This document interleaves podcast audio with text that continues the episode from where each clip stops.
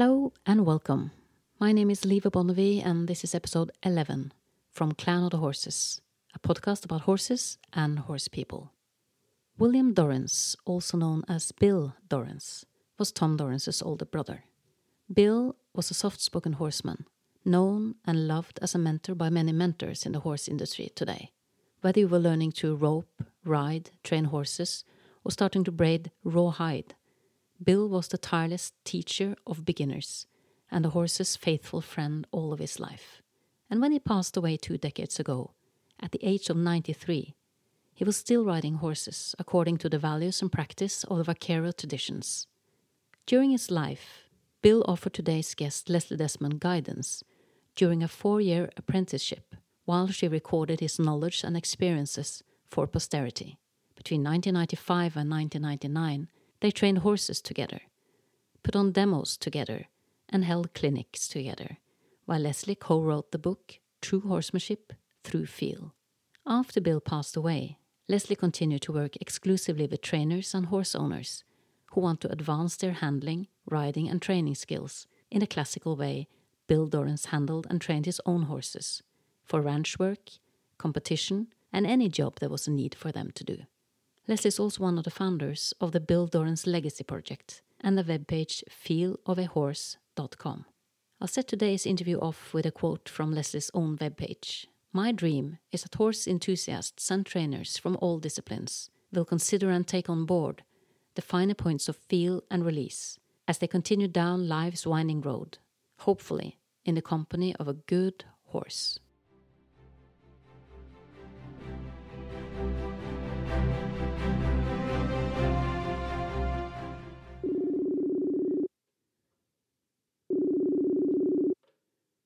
Hi, Liv. My God.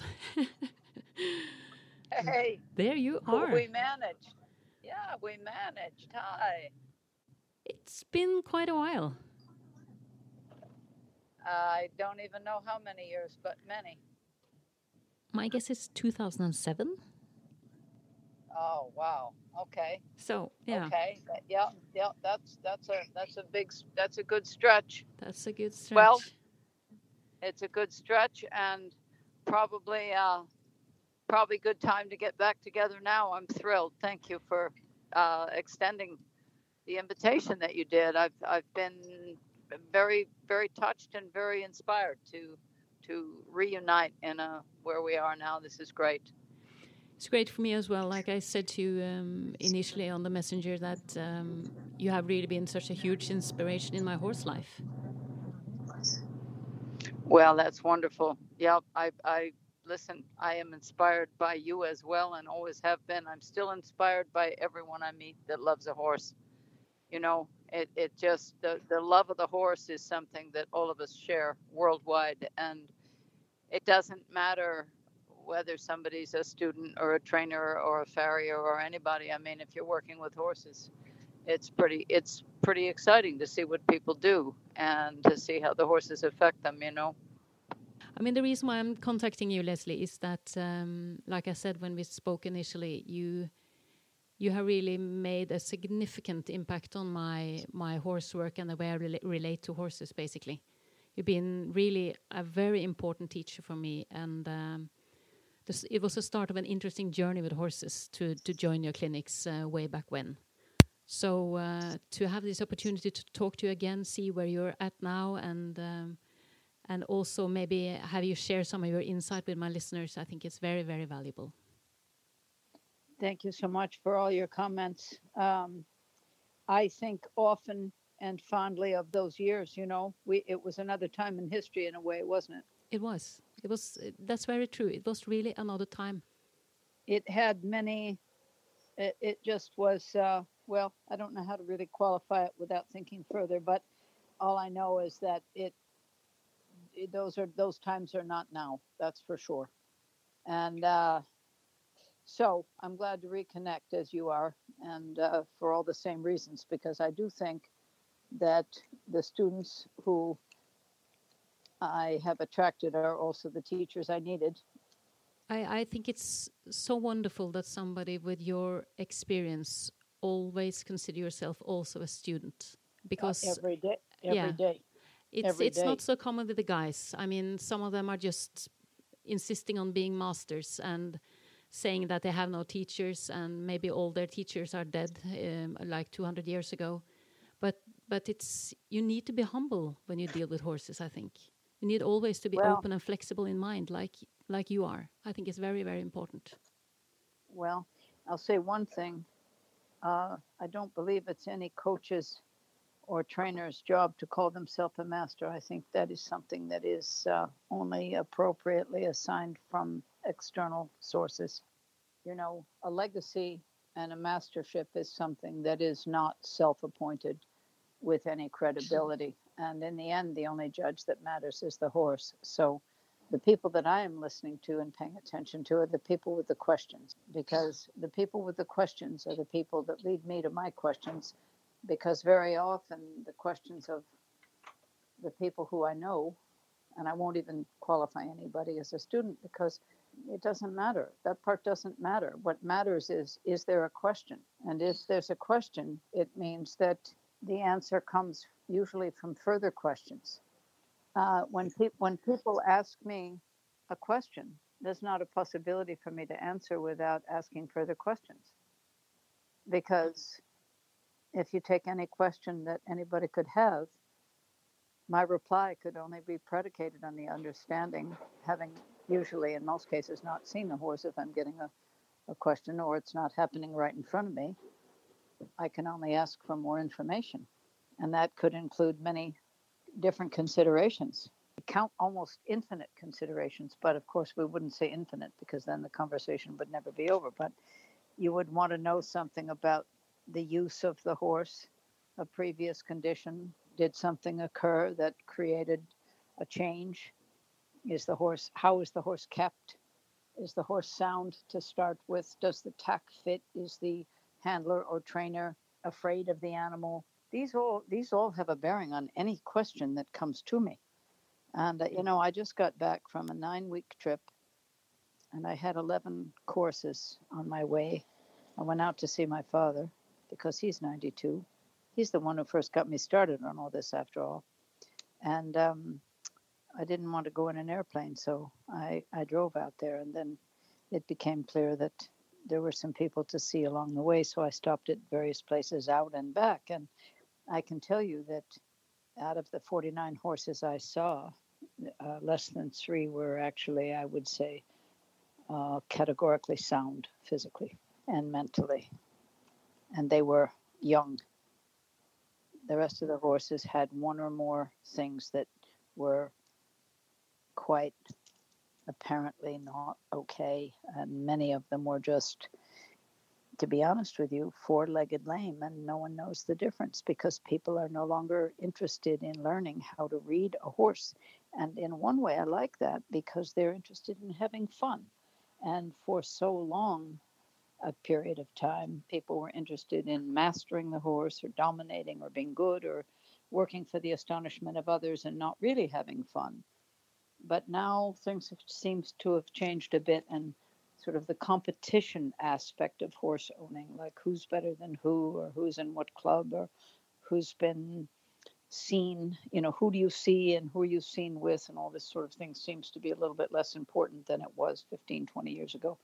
And now it's more a question of, hey, can we go out and have a good time with our horse that we don't know really anything about? And can we just gas around and you know how it how fun will it be? And i actually really am very supportive of that because i think it was for a number of years not enough of an emphasis on horse owning and horse involvement. Is it fun?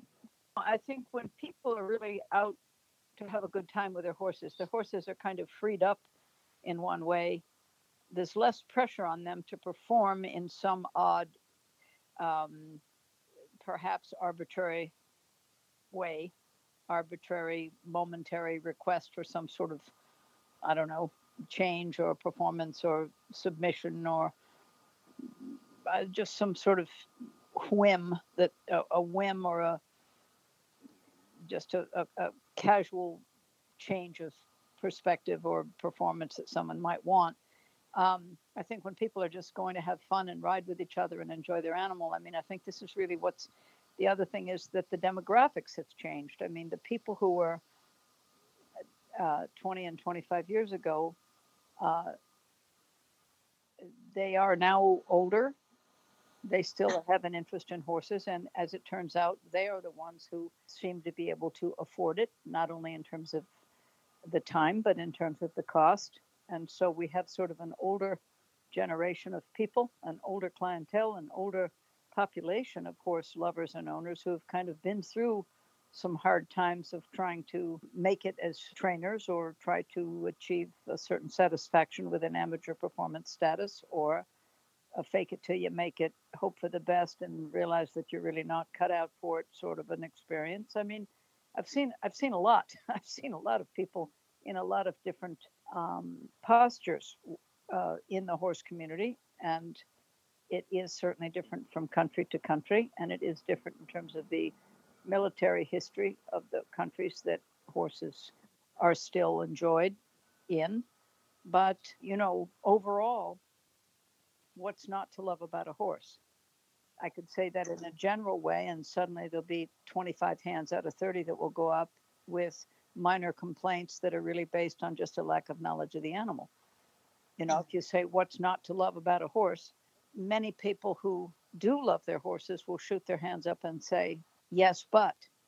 And what comes up is, you know, just odd things like he won't go forward, which produces a whole line of questioning from me under what circumstances.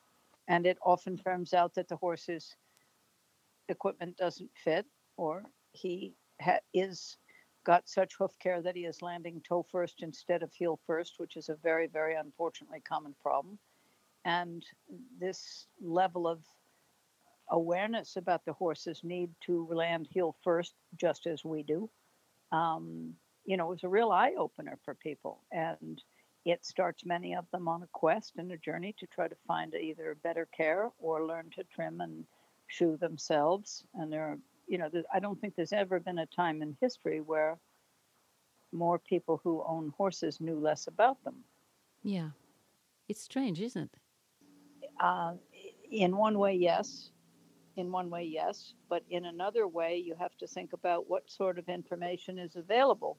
And the kind of information that's available is not always comprehensive. It's, you know, often sort of limited or unprofessionally provided, meaning unprofessionally, meaning with good intent and heart, but not a lot of substance, not a lot of factual and verifiable uh, resources to back up a certain statement. And a lot of this, I think, is generated by the need for people to feel as though what they know is enough to recommend to others, you know, and I don't think there's any shortage of armchair trainers out there who are probably better off riding a bar stool, safer riding a bar stool than a horse, but full of observation and years of reading and video watching that qualifies them to help people starting out. And, you know, much of it is, some of it's useful, much of it isn't. But for the person starting in horses, it's very hard to know uh, who to listen to this yeah this is something I see quite a bit of in Norway as well. That that people with quite limited experience um, and think that they have all the answers. Maybe they've been with horses for, you know, between two and, and ten years, something like that, and and they feel like experts. And I'm thinking that's interesting because many of the people that I learn from, they've been with horses for maybe 40 or 50 years, and they, they still feel like they're at the starting point. So so people look at knowledge very differently. It's it's the case, and I'll tell you, Buck Brannaman put it as no one had that I've heard before or since, and he would often say, "Some people just haven't been heard enough to think before they speak." And you think about that. Some people haven't been hurt enough to think before they open their mouth, and um, this, the fact is that horses are enjoyable and dynamic and inspiring and beautiful and comforting, but not used today as they once were for military purposes, for transportation, uh, to ensure the viability of commerce. You know, whether it's bringing the logs out of the woods or the hay in from the field or the rocks out of the field so you can even grow hay to begin with, or, you know, the produce from town or the ice from the lakes or the bride and groom to the church or whatever it is, or the or the older people as they pass on to the cemetery. All of this was horse-drawn. These were horse-drawn operations. To say nothing of the fact that it was not uncommon. I mean, think of the numbers in the 19th century. Okay, in 1815. 1815 does not seem that long ago on a timeline to me. Maybe for some people it's inconceivable. Depends on who you're talking to. But in 1815, Napoleon surrendered at Leipzig, unless I'm mistaken, or sometime around in there. That man himself, if history is correct and if the things, if the sources I've been aware of are, are accurate, that man was responsible for the death of two million horses. Now, I mean, I, I, I'm I cannot say that that's an accurate fact. I'd have to go back and check. But when you start thinking just about the numbers of that many mounted horses or that many horses in front of vehicles that are, you know, moving provisions around Europe, and you think about where we are right now in our Star Wars like existence with people getting ready to suit up and, and go to Mars. I mean, good Lord. Uh, that's a whole lot different than putting a harness on a horse and just in terms of you know the development of america. I mean when when people think about you know rodeos and bucking horses and starting colts and a remuda or your california vaquero uh, fascination and passion that many people have and you know riding in the two rein or riding straight up in the bridle and these things that are discussed and practiced and sought after. I mean this is all well and good but most people don't take care of their thrush and their horses. Most people are riding horses with rotten feet, and I'm, I'm saying most. I pick up the feet and look at the feet of every horse that comes to every class I have. At one point or another, I'm looking at the feet because the horses aren't sound, and most of them don't get their hooves picked out every day. And they are owned by people who love them and who would spare nothing to do right by them. But what's right by them is you need to look in those feet every single day and keep them clean and thrush free. Rotten feet infect the blood supply. You know, you, I, it's all I can say. And there's no other way to to really consider what happens when a an infected frog becomes so deeply uh, involved in the systemic problems that a horse has that he has to walk on his toe because his heels are too sore. And I mean, this this is so basic. This is so basic. So when you talk about four-legged lameness, what would you say is the uh, common cause of that lameness with the horses that you see, with the feet that you pick several, up? Well, it, it has. There are about five causes, and and the degree to which each is operative in the life of these horses. It would only be a matter of inquiry, and I would need to, you know, be more specific on a case by case basis. But I can just say generally, it's over confinement, incorrect diet, uh, improper hoof care, and they are either trained or ridden in a way that pushes them onto the forehand, which causes them to because you know when a rider is looking down at their hands or down at the ground or down at the horse's head their body tips forward their hips tip back and their feet which are on a moving platform called a stirrup tip, tip forward. So the rider basically kind of folds in half a little bit and that causes you to lose your balance. When you're looking up your weight can shift down to the center of gravity in a proper way that your weight is carried on the rib cage by the back of your leg which will bring your foot underneath you.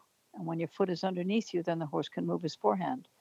And when your foot is out in front and you're leaning forward looking down, you not only lose your balance, but when you make a turn, you're blocking the line of sight of the horse. You're, you're bringing him into your core energy and your line of sight, which is blocking the shoulder you're asking to have light.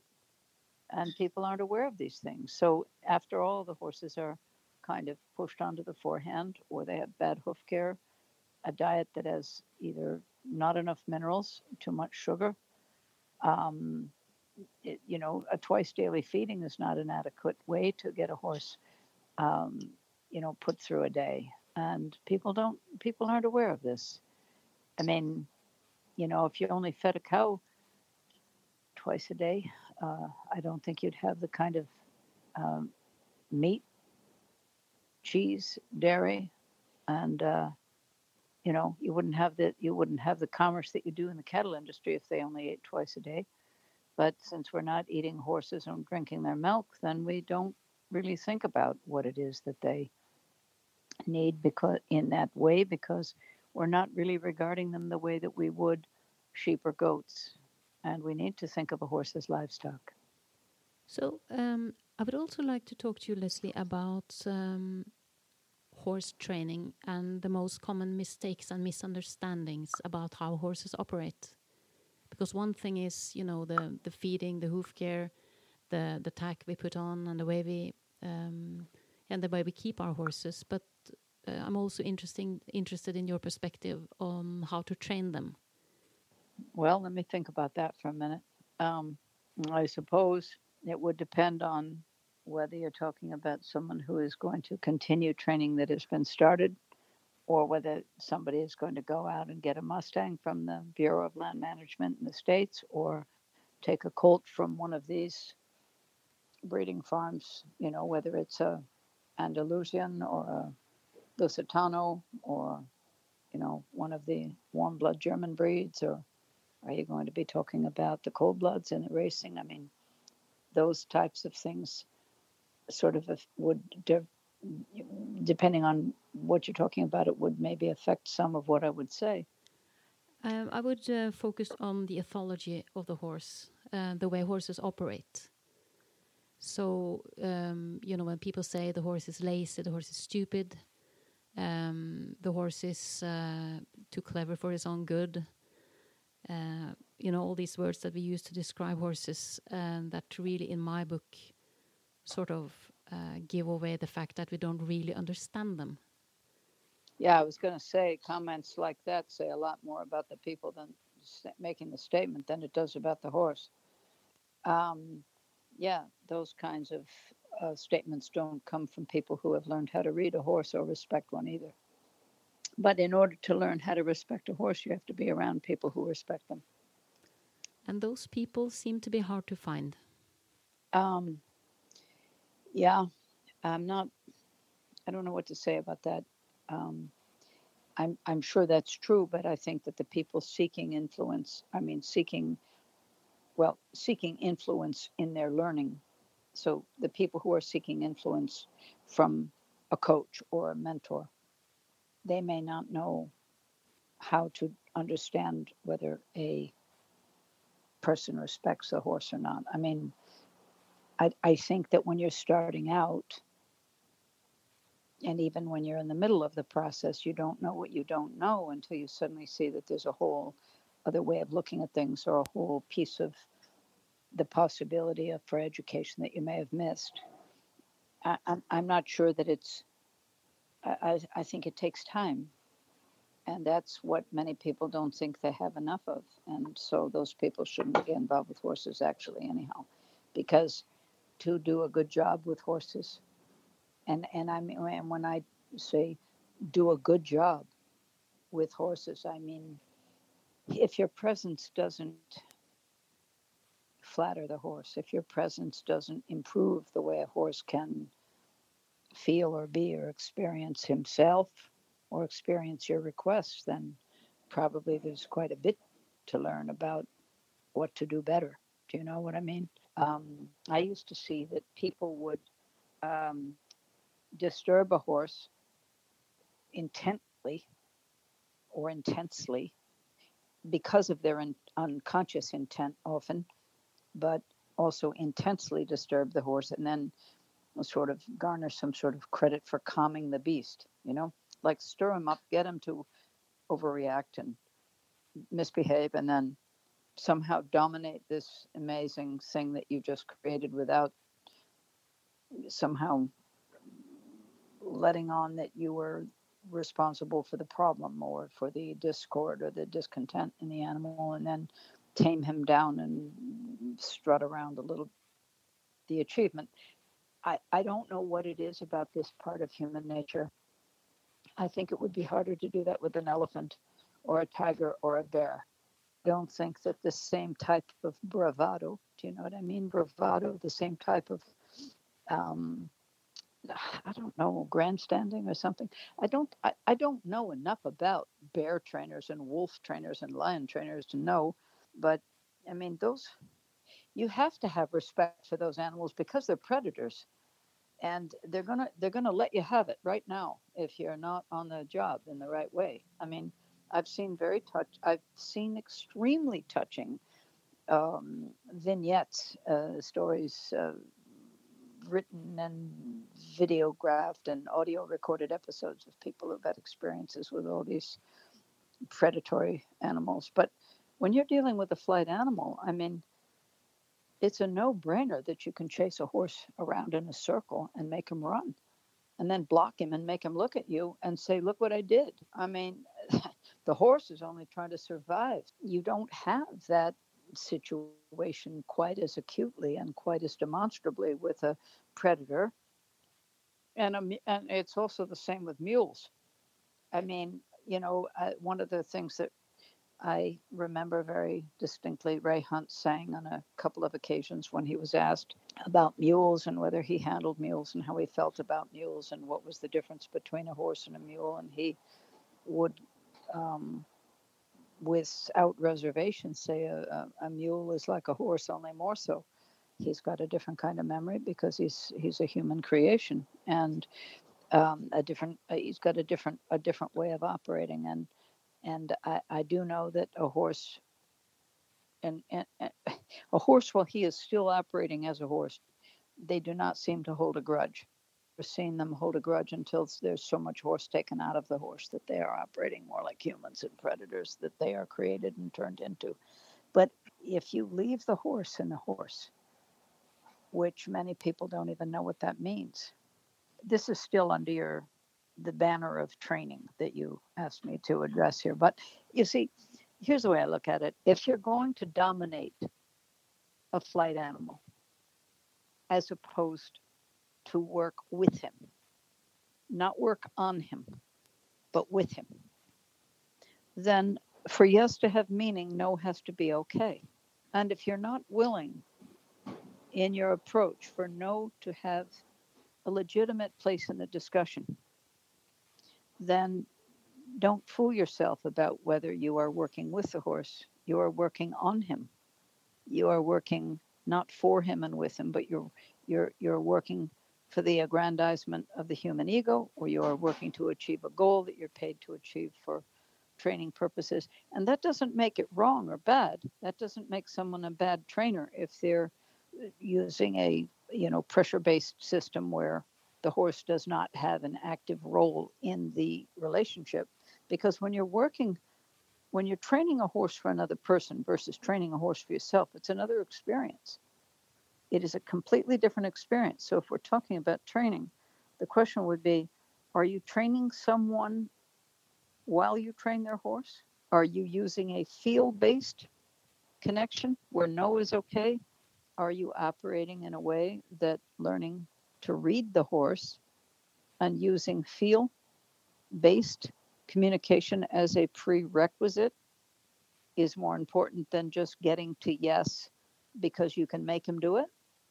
These are things that really someone should consider before they get into it. I mean, if you're not aware of how you make decisions in your own life, then the horse involvement is just going to reflect whatever other trip you're on. And that would be, you know, working to astonish others or going at it because it's a goal and you get to the result at any cost. I mean, th- these are things that one could ask. And where it really becomes apparent in the horse training circles that I have been around is that the training of a horse is of something that is happens when the horse is around anybody. How many horses, how many trainers does a horse have? It depends on who you ask. If you ask the person who's paid to show up two or three days a week or five days a week and get a trainer's salary, then they are the trainer.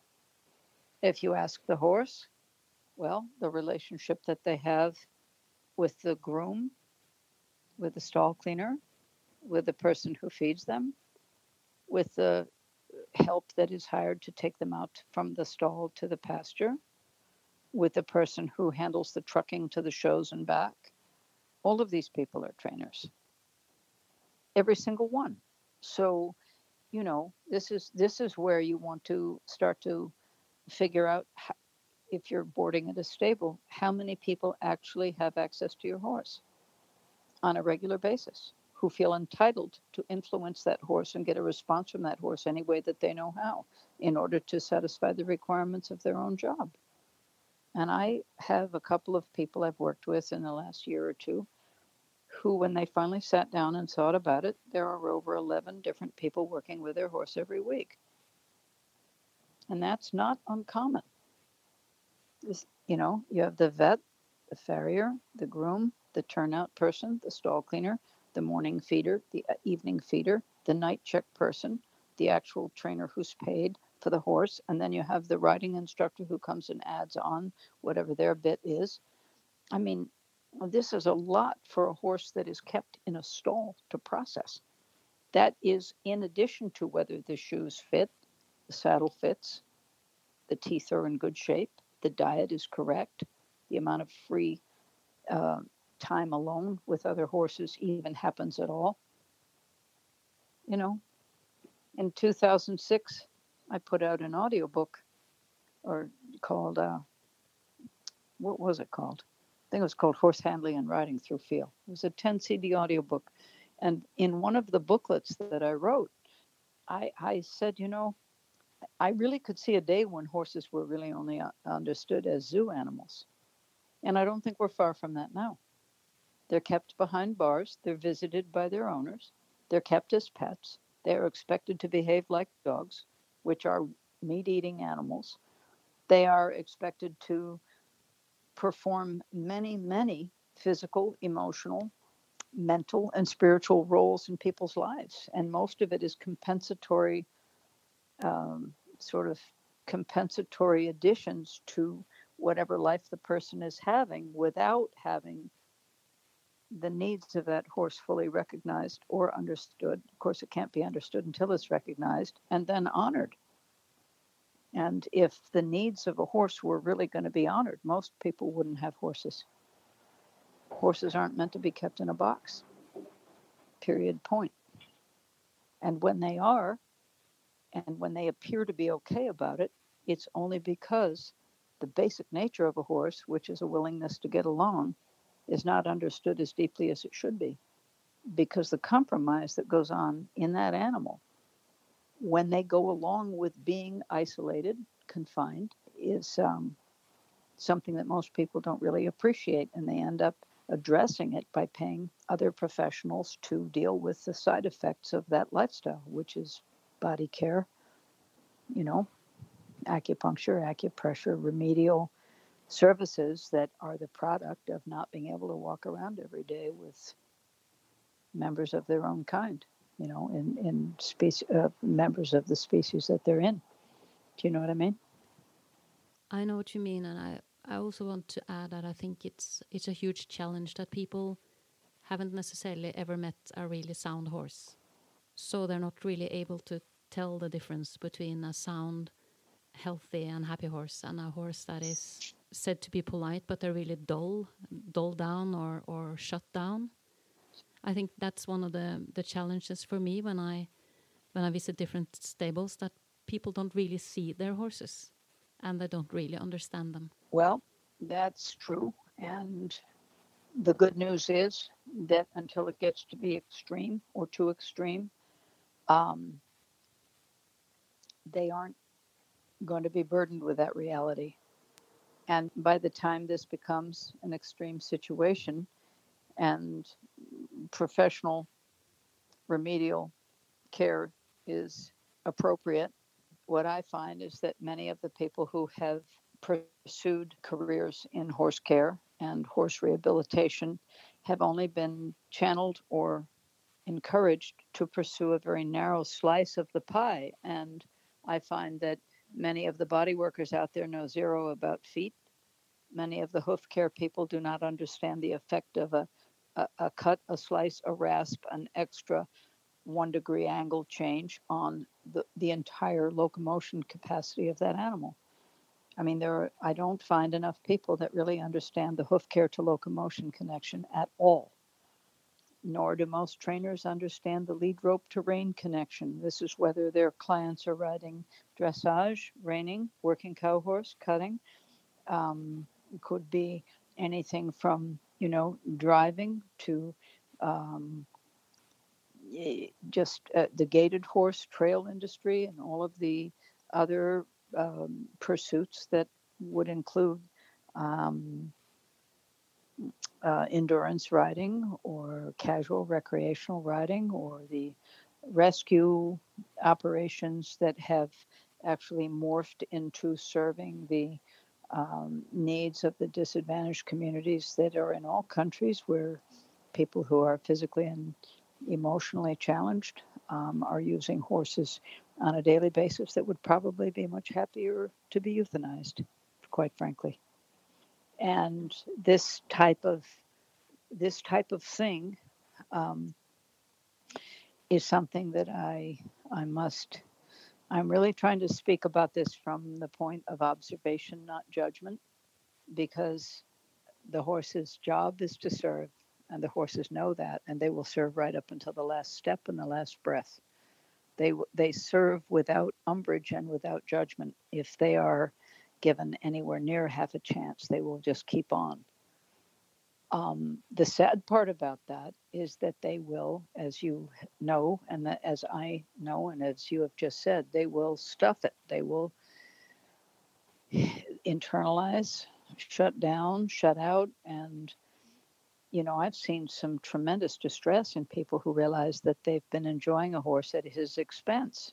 And, you know, there are a tremendous number of very, very good people out there who don't know better and are horrified. I've seen this. I've seen this on this last trip. They're absolutely mortified to realize that they have been participating in their horse's discomfort and don't know it, haven't known it, haven't seen it, haven't understood it you know, but as it's the nature of truth to surface, it's important when you are um, either blessed with a certain gift with horses or blessed with the opportunities that have led to, you know, perhaps, I don't know, more awareness or more skill than you, other people have had an opportunity to develop and enjoy. Um, you, you, you, you're not going to get you're not going to further your cause with judgment and condemnation. You have to, when people are ready, they come forward and look for you. You know, I mean, you can't just stuff it down somebody's throat that they're riding a cripple. I mean, you you can certainly decide. Let me just say this: if I had decided, and I used to not take on sound horses in my clinics, and I used to be very blunt about it. I also used to be very blunt about not taking people in my classes that were overweight or out of shape but I probably would have starved if I kept up that strict kind of a limit because eh, overweight, out of shape, first time horse owners deserve a chance to get in shape, lose weight, and become qualified horse owners. And that was, you know, there was a certain period of time where I realized that I just could not contribute in good conscience to the degradation of horses that had someone who was overweight, out of shape, and wanting to slam around on a joyride, balancing on the face, crashing an extra 150 pounds into the spine, and you know, whistle, grin, and ride, baby. Have fun. And I'm sorry, but I can't, I'm not going to supervise that. That's not what these horses are for. And I used to be quite strict about that. But what you have now is an older population of people who are working hard to stay fit and working hard to stay in shape and not be overweight and to be because they probably now as i've observed have the time to reflect the time to do a better job put more time in. They have the resources Some do, many don't, but some do have the resources to go the extra mile to get the extra care that their horses need after years of maybe not being as aware as they are now. And, you know, it's very easy to feel, it's easy to point a finger, it's easy to feel guilty, it's easy to, um, to live with regret, but I recommend nobody do it because the horses feel when you're not happy. The horses feel when you feel guilty. The horses feel when you feel upset at yourself. So I don't I don't think it's a good idea to do anything except just look forward, keep trying, make your changes, and go. You know, I mean, everyone has their own rate of learning. Um, on the specifics of training, you know, many people who are involved with horses now also were involved with horses as children and loved it, really loved it. Whether they were in a strict riding school or just, you know, flying around the pastures horseback with their friends. And then they, you know, perhaps got other interests anywhere from a career or uh, raising a family or going to college or putting education first or something like this.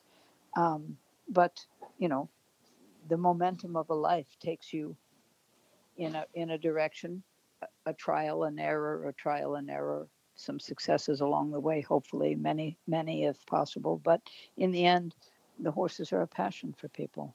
So a lot of people have postponed this to the end and they find okay you've got your kids you've got your career now you're retired t- you you are retired and you are tired and maybe your body isn't as supple as it was and you still have the dream of owning a colt and a lot of people will get a colt and try to start a colt and so for those people i would encourage them to do what their dreams tell them but you but uh, again it's important to remember that horses are not dogs. And when you reward a horse for crowding you by hand feeding him, you give him a hand fed carrot, a hand fed apple. You stand close to him so you're always in his face and he's always on you, touching you, coming up to you, loving you.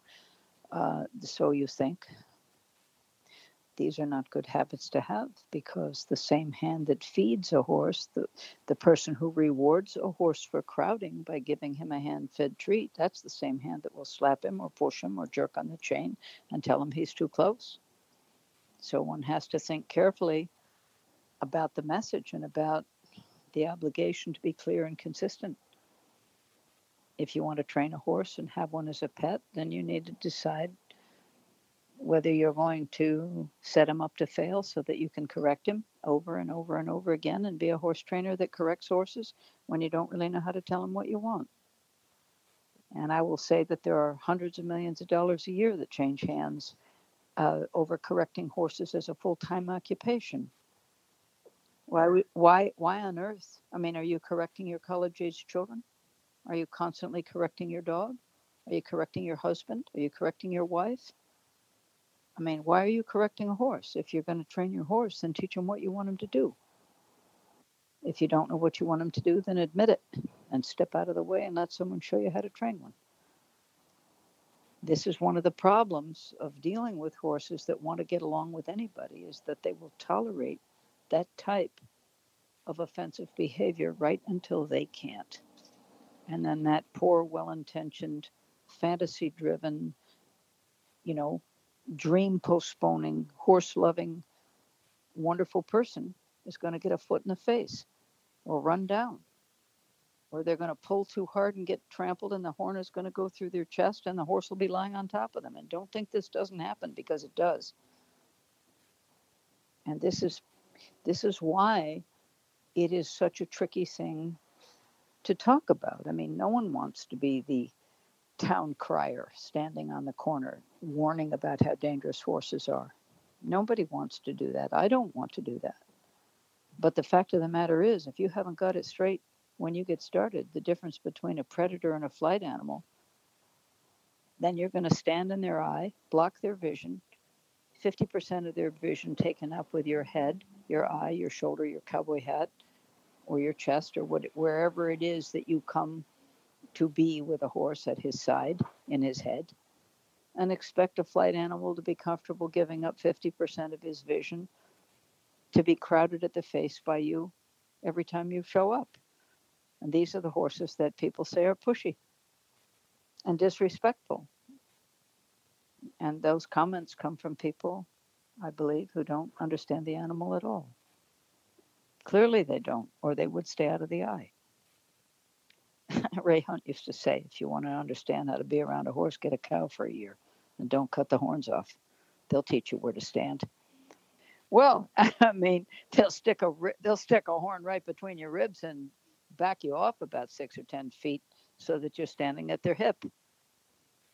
So, I mean, if you want to you want to have a horse flexible and available in the forehand, in the front legs, you want to let's say if you want your leading rein to have a shoulder and a willing a willing move behind it instead of have it you know feel like you're got your rein or your lead rope tied off to the back of somebody's truck or a tree stump then you need to have your handling and management of that horse in your social time not be so dog like that it takes all your strength and more to move him half a foot or to wake him up so he even wants to acknowledge that you're there. And it's this type of unawareness that makes people do things that they ultimately shouldn't do or regret doing or pay a price for doing to try to get the horse's attention because they feel people feel as though they don't have their horse's attention but actually that's all they have because if you're blocking his sight he can't get rid of you you're hanging you're if you're standing in one eye and you're holding the lead rope six inches under his chin. Oh, he knows you're there and he can't stand it. You wouldn't get away with that with a goat or a llama or a cow or a sheep or any other animal. Is somehow the nature of the horse that is just so distinctly special and sacred and lovable. And they tolerate us for all our sins. And um, you know, and in the end, the value of their life is in this odd balance between the price of semen and the price of meat when they're dead. It's uh, it's a it's an interesting thing to be a horse, I suppose. More interesting than other things, which is why I've dedicated myself to every aspect of this journey that I can realistically, you know, understand and and improve when I can, you know. I mean, I'm still learning all the time. I'm I have I surround myself with people who know more than I do about some of the things that that horses need us to know, like the structure of the feet, the way the fluids in the body go, the way the ganglia work, the way the lymphatics work, the way the the way the soft structures work, ligaments and tendons. I mean, it, there there are a few really good body workers, relatively few, and learning all I can from those people and kind of trying to match it up with the the knowledge that's available about hoof care and but but to study or think about any of these things as an isolated pursuit this is what i mean uh, you can go get an acupuncture person or a massage person and really if you doesn't matter whether it's free help or whether you're paying a premium price. If you're putting a change in the body or remedial um, remedial effect onto the body to alleviate discomfort or to free up a limb or to try to, you know, encourage a more flexibility or forward motion or whatever it is that the assignment could be. Um, to do this without a clear understanding of the feet that you're putting this work on. you know, it's like going to the chiropractor yourself for five or six sessions and wearing the same old crappy shoes that are the part or the problem in the first place. So it's you know there there and on, on the on the plus side, on the plus side, well, there's all these things to think about.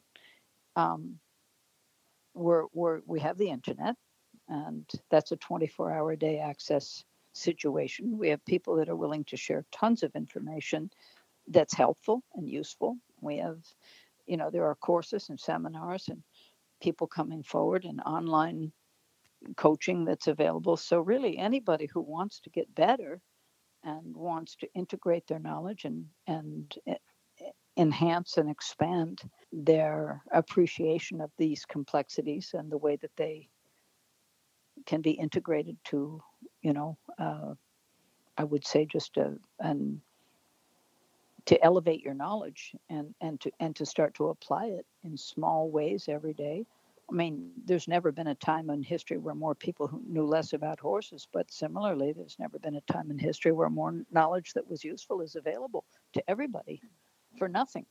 Yeah, so I think the, the challenge is to to find the right teachers. Yes, that would be it. That would be because it. it's it can be very difficult for a rider to differentiate between true horsemanship and what many would refer to as horsemanship. And, and, they struggle to find the telltale signs apt to help people to choose the right path for themselves and their horse. Um, because, you know, a lot of trainers would just promise you anything.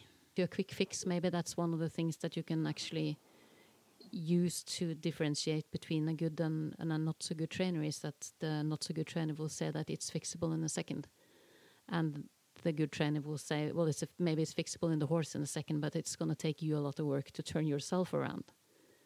If you know what I mean. I do. Mm-hmm. I do. Well, you mentioned something there um, about the things that there are to observe um, in horses that are trained one way or another. And what I can say is that there are some things to notice in your own horse or in a horse you might want to buy or in a horse you're about to get on. I will say that there are certain horses that I do not get on. You know, for a client or a student or somebody, I mean, there are horses that I won't get on, and and I and I will be happy to share with you if it would be helpful. Uh, there are physical conditions that are ex- that are loud advertisements for a horse that is unfit to ride, unsuitable to ride. And what do I mean unsuitable to ride? Well, there are certainly, if you have a, if you're riding in an arena that is, you know, not too deep in the sand and not slippery and not muddy and not full of rocks or something, whether it's indoors or outdoors. I'm just saying, if you're not going to, if you're basically riding on a pool table, right? It's level and uh, they're not going to be any other problems.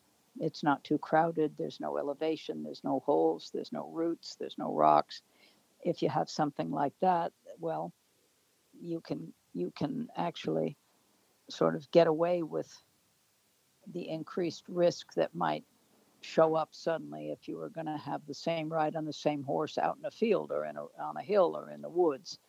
But let's just say if a horse is landing toe first, I do not ride those horses. And there, and mm-hmm. many horses do land toe first. People don't understand the damage they do uh, to, to, to the horse to ride that way and to keep the horse that way with his hoof care or with his, as I say, it's not just hoof care, it's many things. A horse can be landing toe first for a number of reasons, but that is not the way they're designed to travel. And they shouldn't be. I don't ride horses that can't lift their feet out of the ground. Um, you know, if a horse is backing up and he's dragging four lines of dirt with him, uh, I don't ride that horse. Why would I?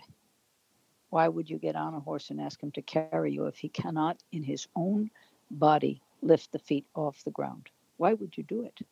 And people do. They don't understand the damage they do, they don't understand the risk they're in. And what do I mean by that? I'm going to try to explain it carefully in a way that won't be alarmist, but that will be that will be true. Okay, I'll see if I can do it. By the time a horse is unable to pick his feet up in a backwards in a backward motion, okay, if you're asking him to back up, and you see that the horse is actually um, his feet don't leave the ground, okay, so he's dragging dirt with his feet. Do you follow me? So then if that's the foundation for the backup, and that is the foundation for your that's that's an aspect of your stop it's an aspect of his motion his locomotion his ability to travel let's say that you had a job opening at your company and 10 people showed up, and nine out of the 10 couldn't lift their feet off the ground when they walked in the door. Who would you be likely to hire to be your ambassador to the public and your main helper throughout the day? Would you hire somebody who couldn't lift their feet off the ground, or would you take the one who could? That sounds like a very easy question to answer. Right, right. And people get on those other kind all day long, and they want to be judged on their performance in their reining, in their cutting, in their gymkhana work, their barrel racing, their dressage, their hunter jumper, without any regard for the fact that the horse's ligaments, tendons, structure, muscle development, mental mental response in themselves to the inability to move is absolutely predicated on the fact that they can't even lift their legs out of the ground. I mean this this this should this should bring some question to the mind of a thinking person. My horse does not lift his back feet or front feet off the ground when I ask him to take a step back.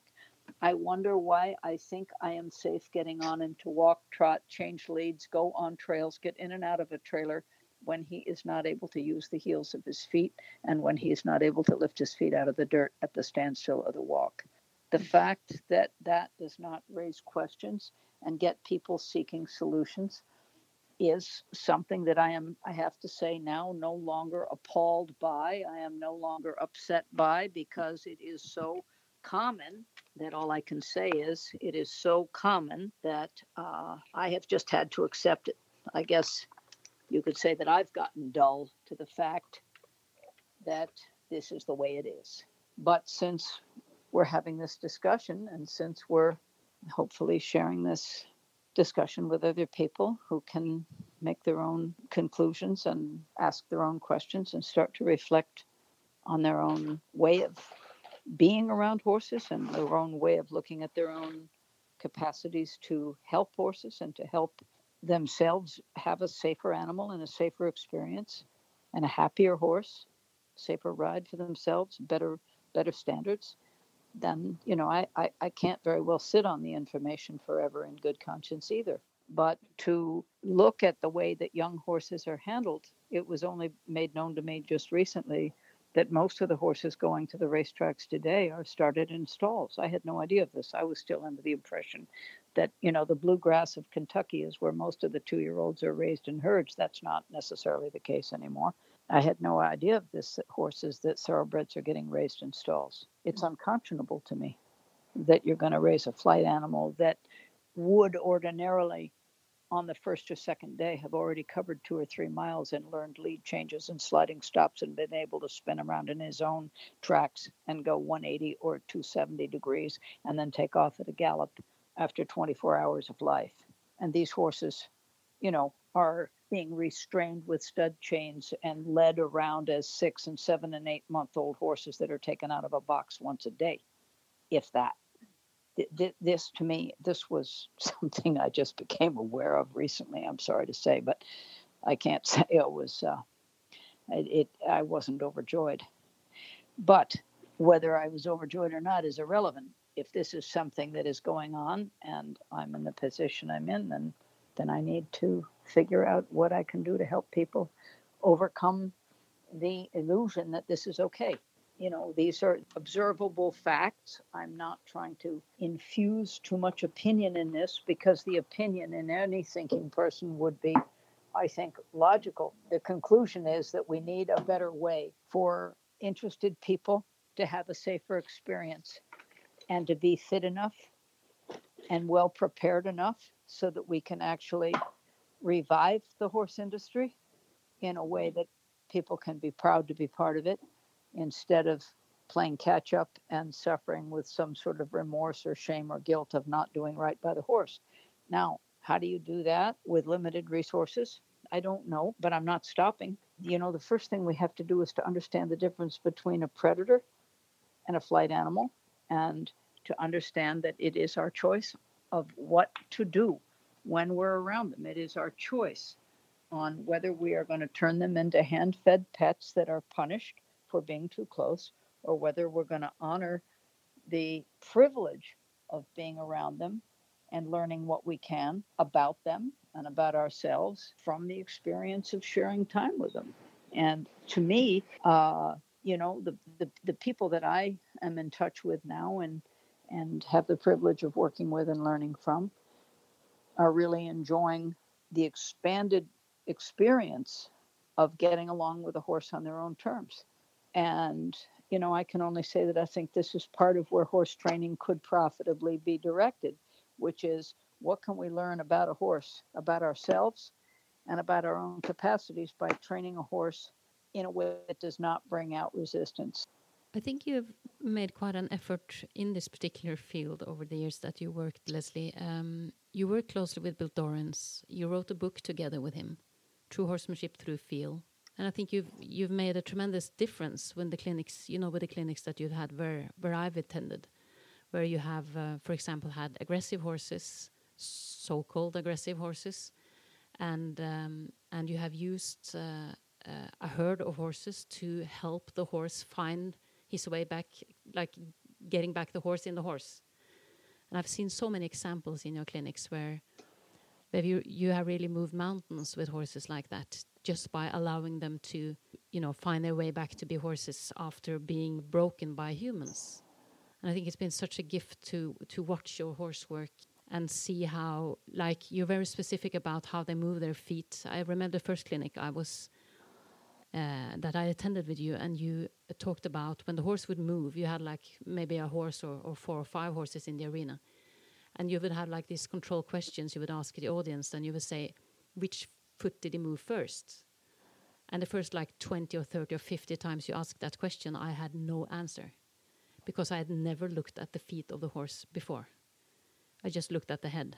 You do now, though. I do now, but but it really it was really such a um, a brilliant start on my journey with horses to meet somebody like you who oh, could teach me, you. you. know, yeah, but to, to teach me to actually read the horse. Mm -hmm, mm -hmm. Because before I went to those clinics, I, I had no idea what to look for. Mm -hmm. And it for sure, you know, for sure after after our last clinic in 2007, you know, I've just been kind of continuing to to learn to see and understand more and more about horses, and still you know, I just feel like it's it's like still the starting point of really understanding them, because they are so they're just so amazing animals. There's there's so much more than people understand. They are so much more, and they know so much. And this is one of the things I will tell you a quick story. I'll make it a quick one. Oh, I must have been back in 2000, maybe three or four in Finland. It was somewhere outside Helsingfors. And I did a demo in a very, very small pen that was set up. I mean, it was unreasonably small. It was probably 20 by 30 feet. And, uh, and it was just a string on a couple of stakes that was put up.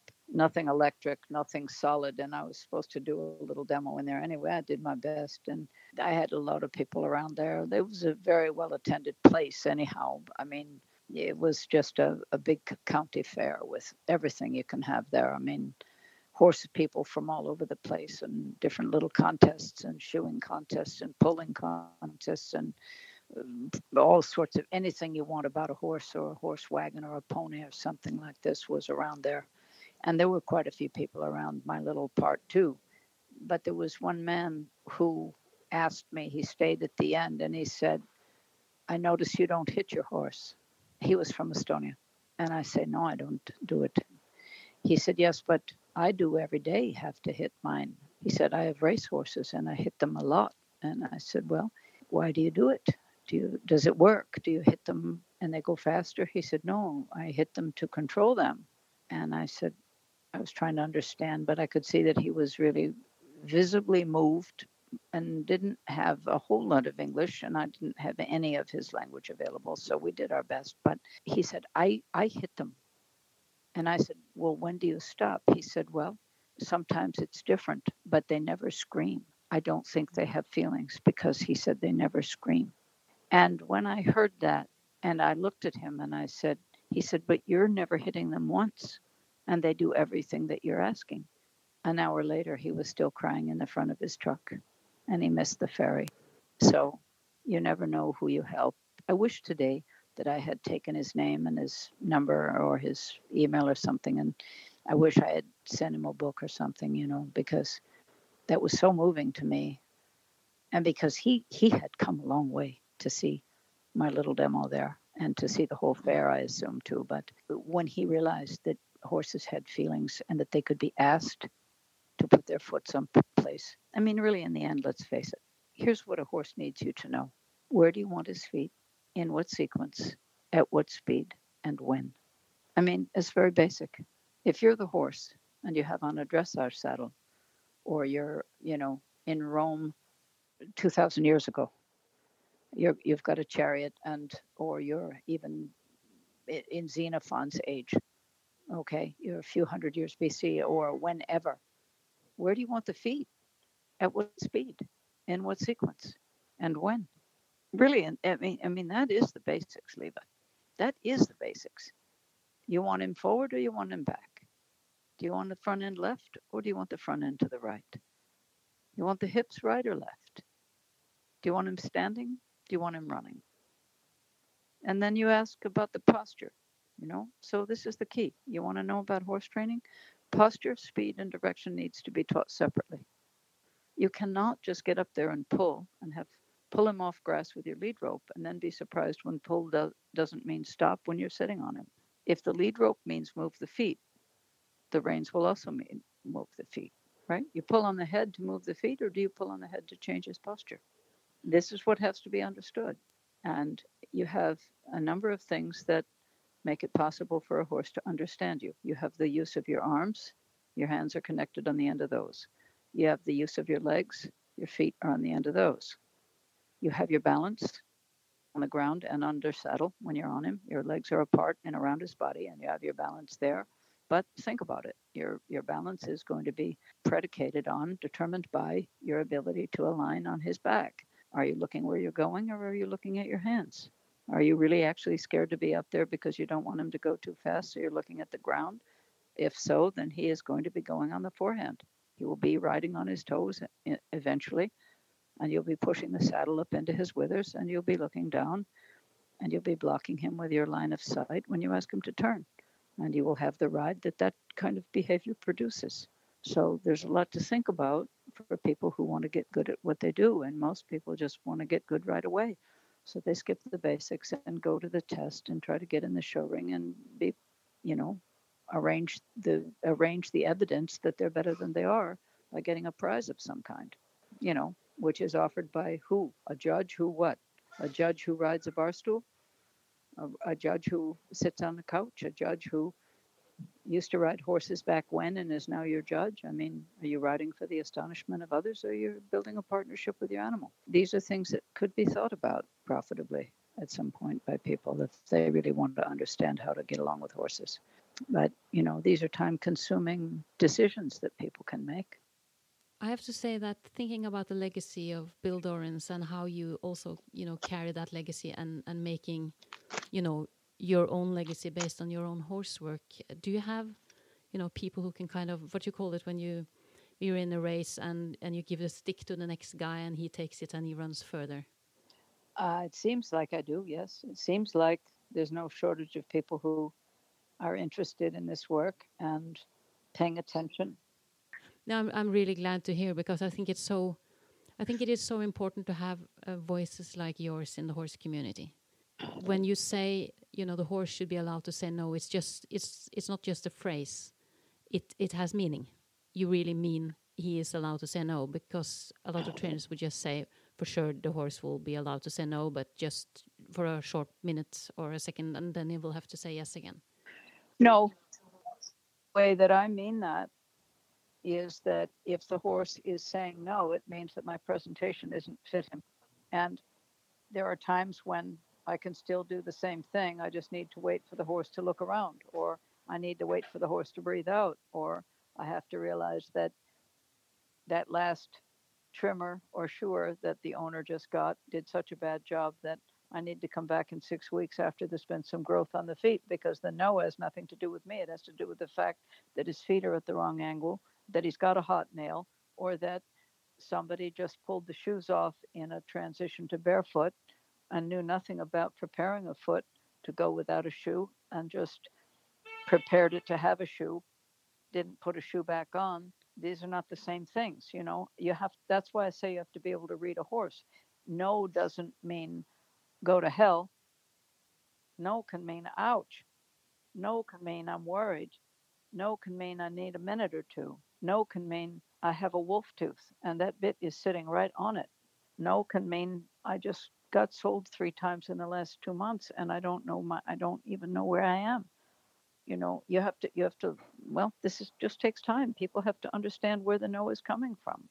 And part of how you learn to accept no is you embrace the idea that if you were the horse or you are yourself and no is never allowed, what's life going to feel like?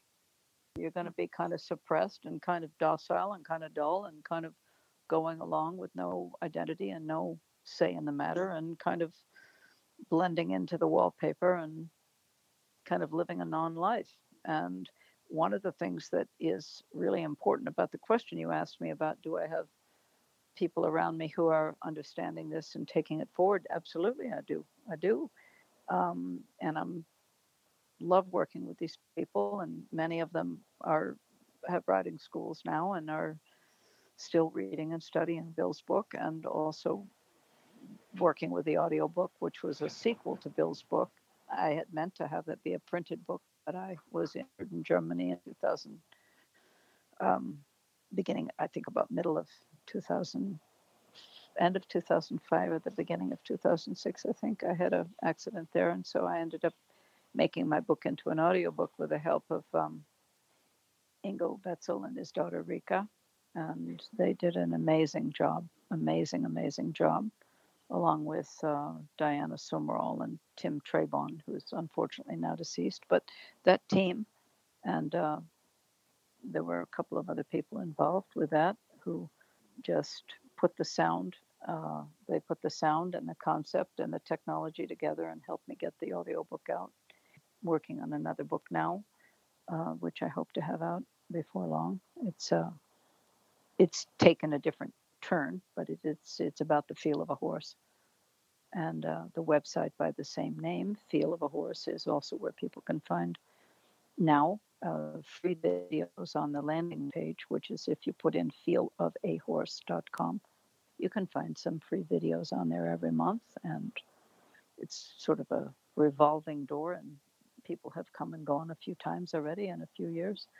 And I welcome that because, you know, I can't always, like on this, for example, I mean, we have 70 terabytes of data, more now, 74 terabytes of data, I think. And it's just a matter of this is all still a volunteer effort. I have a team.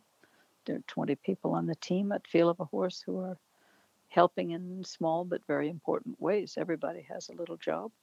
And we just we go forward the best we can. I cannot say enough about how grateful I am that so many really um, compassionate and thinking people who love horses, who share the passion I have, are willing to contribute their time and their intelligence, their skills to help me uh, get this message forward. Bill's legacy is a very important thing. Um, the feel of a horse is something that if you don't um, entertain uh, the consideration of this, you will probably at some point wish that you had because feel is the horse's language. It's been just so wonderful to talk to you again, Leslie. Thanks, Liv. And see where you're at, and um, and also knowing that this legacy will, you know, will be part of the future as well. I think it's uh, I think it's so important to to have somebody who constantly remind people that that horses are cooperative uh, animals, and that's really how they are designed. So yes. if your horse doesn't co cooperate with you, then then you should ask. Uh, you should really ask yourself the question why, because they have always a good reason for it. That's my I, experience. Yeah, it's mine as well. Yeah, I, and uh, I really appreciate the opportunity to talk with you today. It's just great. I I hope the next time we can do this in person. Would be wonderful to see you again. Yeah, that would be wonderful. I agree. Could I could I just quickly ask you the question that I ask all my guests at uh, this show, Leslie? And that sure. is, Is there one specific thing that you have learned on your personal journey with horses that you think it is important that everybody dealing with horses should know? Uh, yes, I think there is. And that is that if you um, you ask a horse to forgive you for a transgression, past, present, recent, or long ago, I think even even the horses that are out of your life, I think if you ask the horse to forgive you for misunderstandings, mistreatment, lack of knowledge, lack of caring, lack of concern, lack of awareness, I think it's very, very important to know that a horse that you ask of this will actually do. You can feel it. I think it's important for people to understand that the horses really have no room. They don't have room in their working operations for self hatred, self disparagement, low self esteem, hatred of others. Horses don't really thrive on that energy, I've noticed. And when you are humble before your horse, I think that the liberation that comes when you can share the truth, the facts of your, um, the facts of yourself. I didn't know enough. I tried my best. It wasn't good enough. I hurt you. I didn't mean to. I was cruel to you. I didn't mean to be that way. I loved my teacher. I admired the results my teacher got, but I didn't understand that getting those results that way had hurt you so much. Those sentiments need to be expressed and those burdens need to be released. And I think that the um, what I've learned in my own journey, having really hurt some horses that I loved very much. It, you know, uh, I had the opportunity to learn from some people that I admired and loved, and I did some things I regretted very much. And um, I don't regret anymore because I know that that ex- the exchanges I had with those animals was uh, so deep and so meaningful.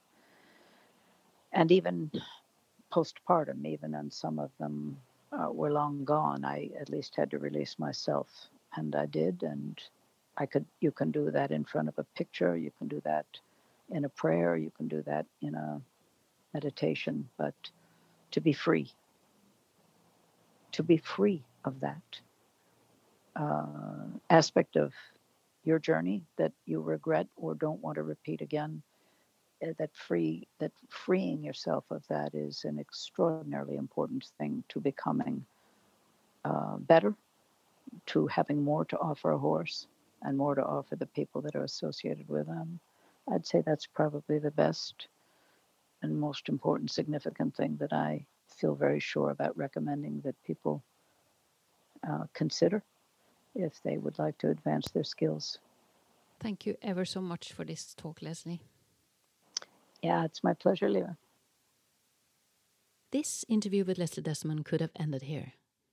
But what happened was that I woke up at six o'clock in the morning the day after and realized that I had one last but very important question. It had to do with the approach where the goal is to make the right thing easy for the horse. Because when we do, we for sure also make it slightly difficult for the rider.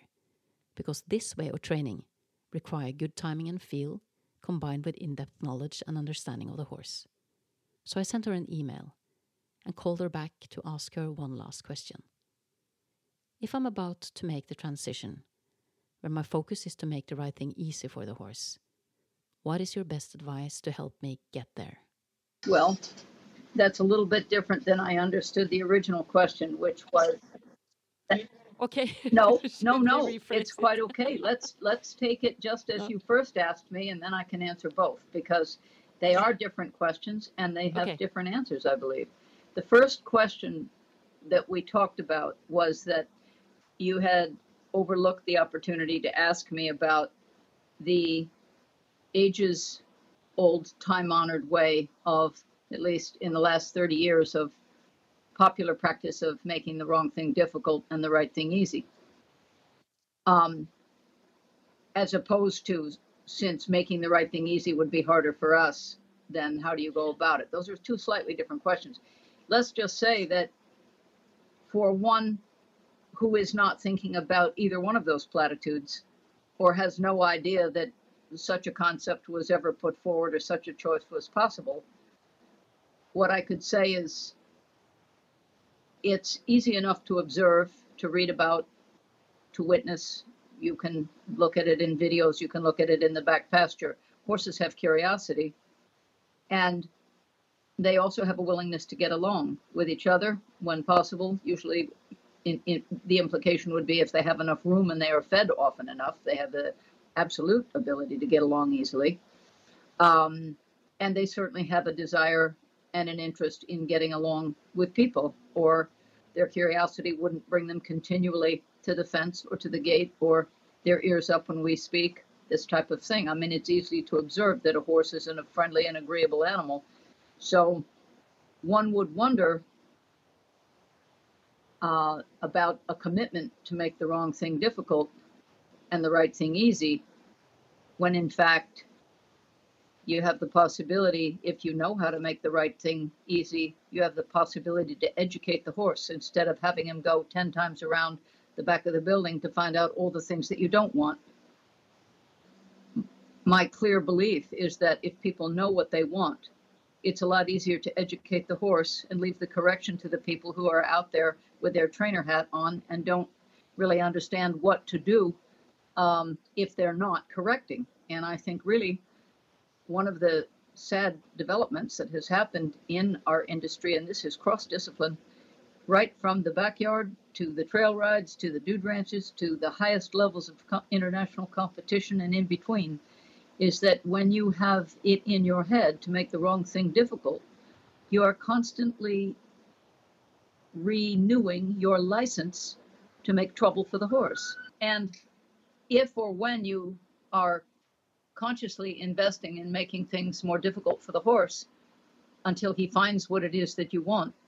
What on earth is the goal of holding out on him if you actually know what you want and know how to present it?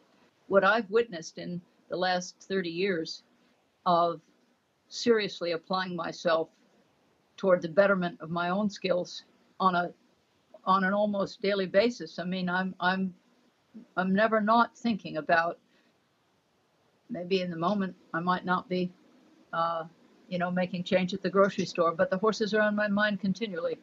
And what I can do to soften my approach and improve my approach to them and to the people who love, care for, own, train, and look after them in various capacities. If I can't reach the people who are caring for them in a nice way, uh, and help them. If I make the wrong thing difficult for the people, it's going to make the wrong thing difficult for the horse.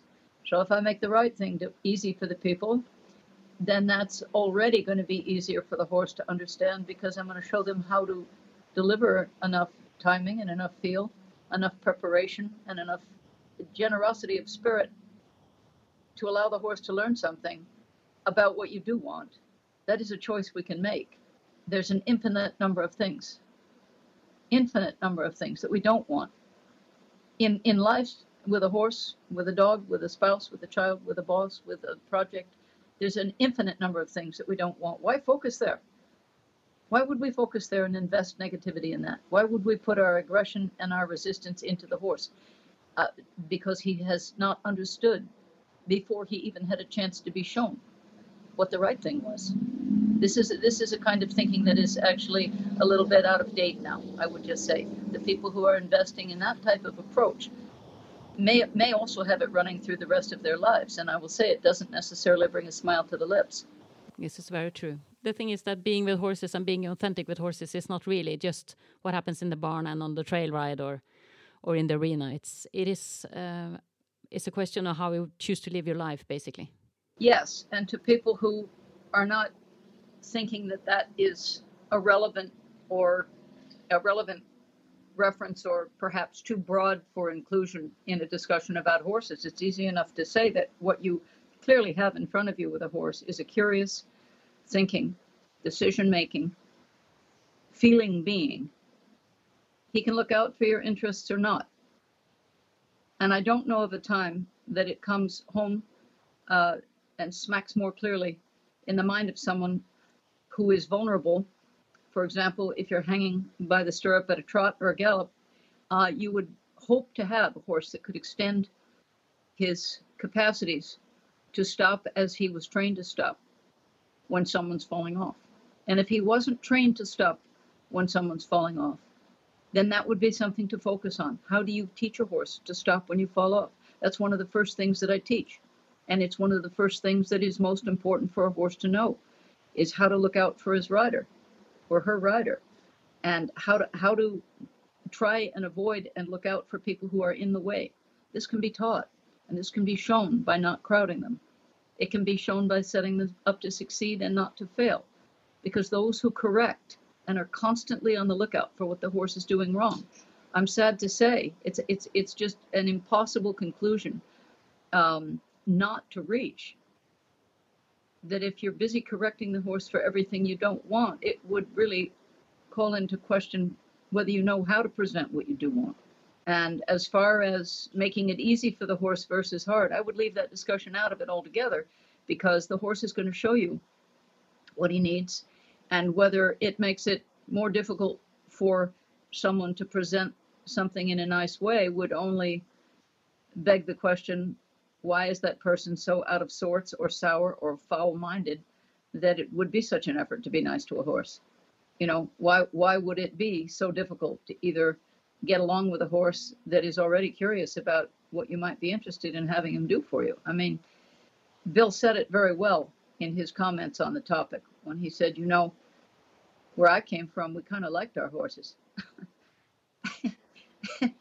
and he he said that on more than one occasion um, at various events and in front of different TV shows that we happened to watch together at different times during the time I was with him. And um, he would sometimes just turn around and say over his shoulder, when I was coming up, we sort of liked our horses. We rather liked them and wanted to get along with them. And that really, I don't, I, I would have to say that I think the underpinning of the relationship and the connection to the horse is very clear when people are not invested there. The people who don't have a connection to the horse can't fake it because if you do, the horse will reflect it immediately. And I think that one of the painful things about learning to constantly correct a horse and have that be your your basic way of way of doing things is that it unfortunately brings up kind of an emptiness in the connection. Uh, too much dissatisfaction is exhibited toward a horse as a matter of routine, a matter of course, as a way of being. That to register that dissatisfaction, to continually offer corrections, quick paced denials of the try, the horse will lose that try. And what results is a tangible palpable, visible emptiness between the handler and the horse or the trainer and the horse.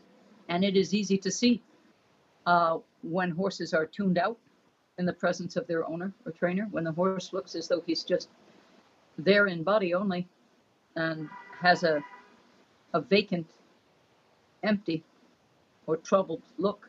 Often you can see it in the eye. Often, when the eyes are closed, you can see it etched into the creases of the skin where that trouble lives in the mind. And um, all I can say is that resistance creates resistance. And I think the hardest thing to do for people who are committed to making this transition, or at least even interested in it, is to understand that it's okay to feel vulnerable in front of a horse. It's okay to have in your bearing and in your presentation an energetic equivalent of I'm not sure. A lack of sureness is okay. It doesn't provoke an attack from 99% of the horses that are in circulation today.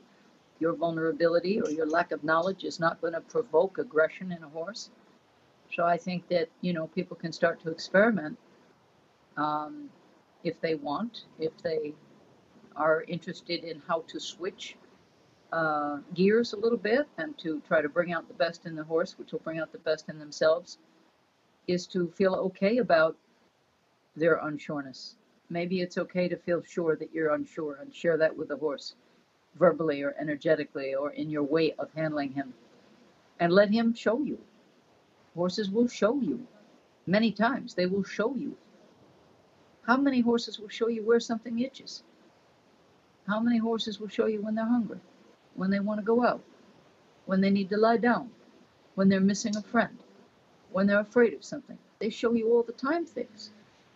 And as you refine your capacity to appreciate the nuances of their way of communicating, they will show you deeper and deeper things about the inside of themselves, including their histories, including their body phenomenon, inner workings, outer workings, hoof pain, shoulder pain, gut disturbances. They'll show you a lot of things. They'll show you when their heads hurt. You just need to learn how to read it. And this might sound like a crock, but I don't believe that it is. It's a demonstrable thing. And one of the things that happens when people open that door on the possibilities, possibilities about the depth of connection with a horse, is that they're not disappointed. You just crack that door open, and I think surprising things can happen in the best possible way. It's nice to have a journal, it's nice to have a tape recorder, it's nice to record these things as they happen. If you have doubts about what you experienced, you can listen to it or watch your notes later. But um, without a shadow of a doubt, there has never been a time in history where more people needed help understanding horses. And I think the biggest help that you could possibly give yourself is to make sure you have the time. Is there anything else that comes up in your mind? Um, no, I think we're good. Um, thank you ever so much, Leslie, for this appendix, and uh, and thank you ever so much for uh, for joining me as a guest on my show. And uh, take good care of you. Great. Okay, I'll talk to you later. Bye, Liv. You have just heard episode 11 from Clan of Horses, a podcast about horses and horse people. I want to thank my guest, Leslie Desmond, and last but not least, I want to thank you, dear listener, for your patience. May the horse be forever with you.